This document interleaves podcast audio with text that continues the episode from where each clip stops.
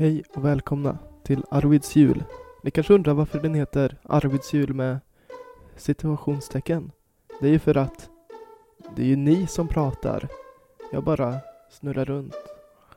Ehm, dagens gäst under sjunde luckan är i alla fall Johannes Öhlin. Så välkommen Johannes. Tack. Hej allesammans! Här sitter jag, ihoptryckt i min lilla studentlägenhet i Norrköping i min enda fåtölj bland en massa precis uppsatta julprydnader och ett litet mikrofonstativ framför mig.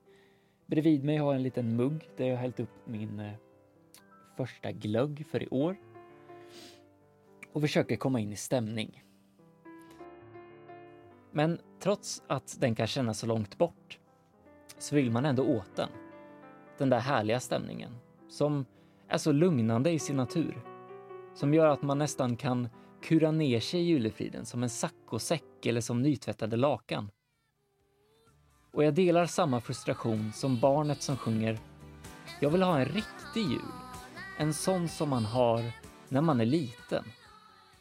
Jag måste tyvärr acceptera att jag inte är liten längre, men jag vågar inte säga att jag har tappat mitt barnasinne.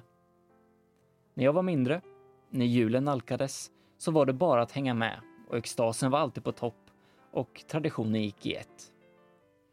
Vi åkte alltid iväg tidigt på morgonen, gick på julotta, träffade mormor och morfar och man visste alltid vem det var som hade på sig tomtedräkten. Men det som gav den här lyckliga essensen, eller atmosfären som var värd att längta till, var att vi firade någonting tillsammans. Att julen var något utöver det vanliga som fröjdades av kärlek, omtanke och gemenskap.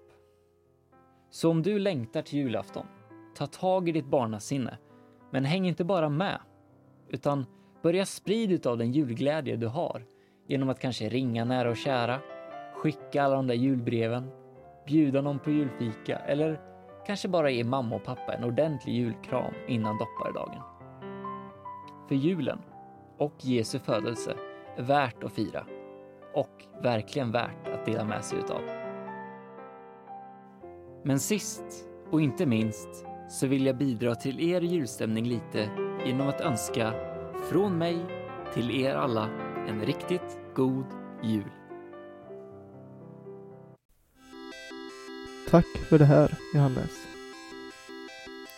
Du är verkligen en sån person som kan hälsa.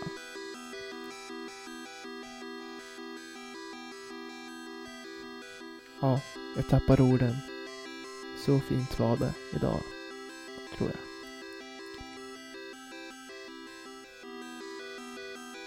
Inte pixelljud också, lite jul ändå, trots allt. Tack, vi hörs imorgon.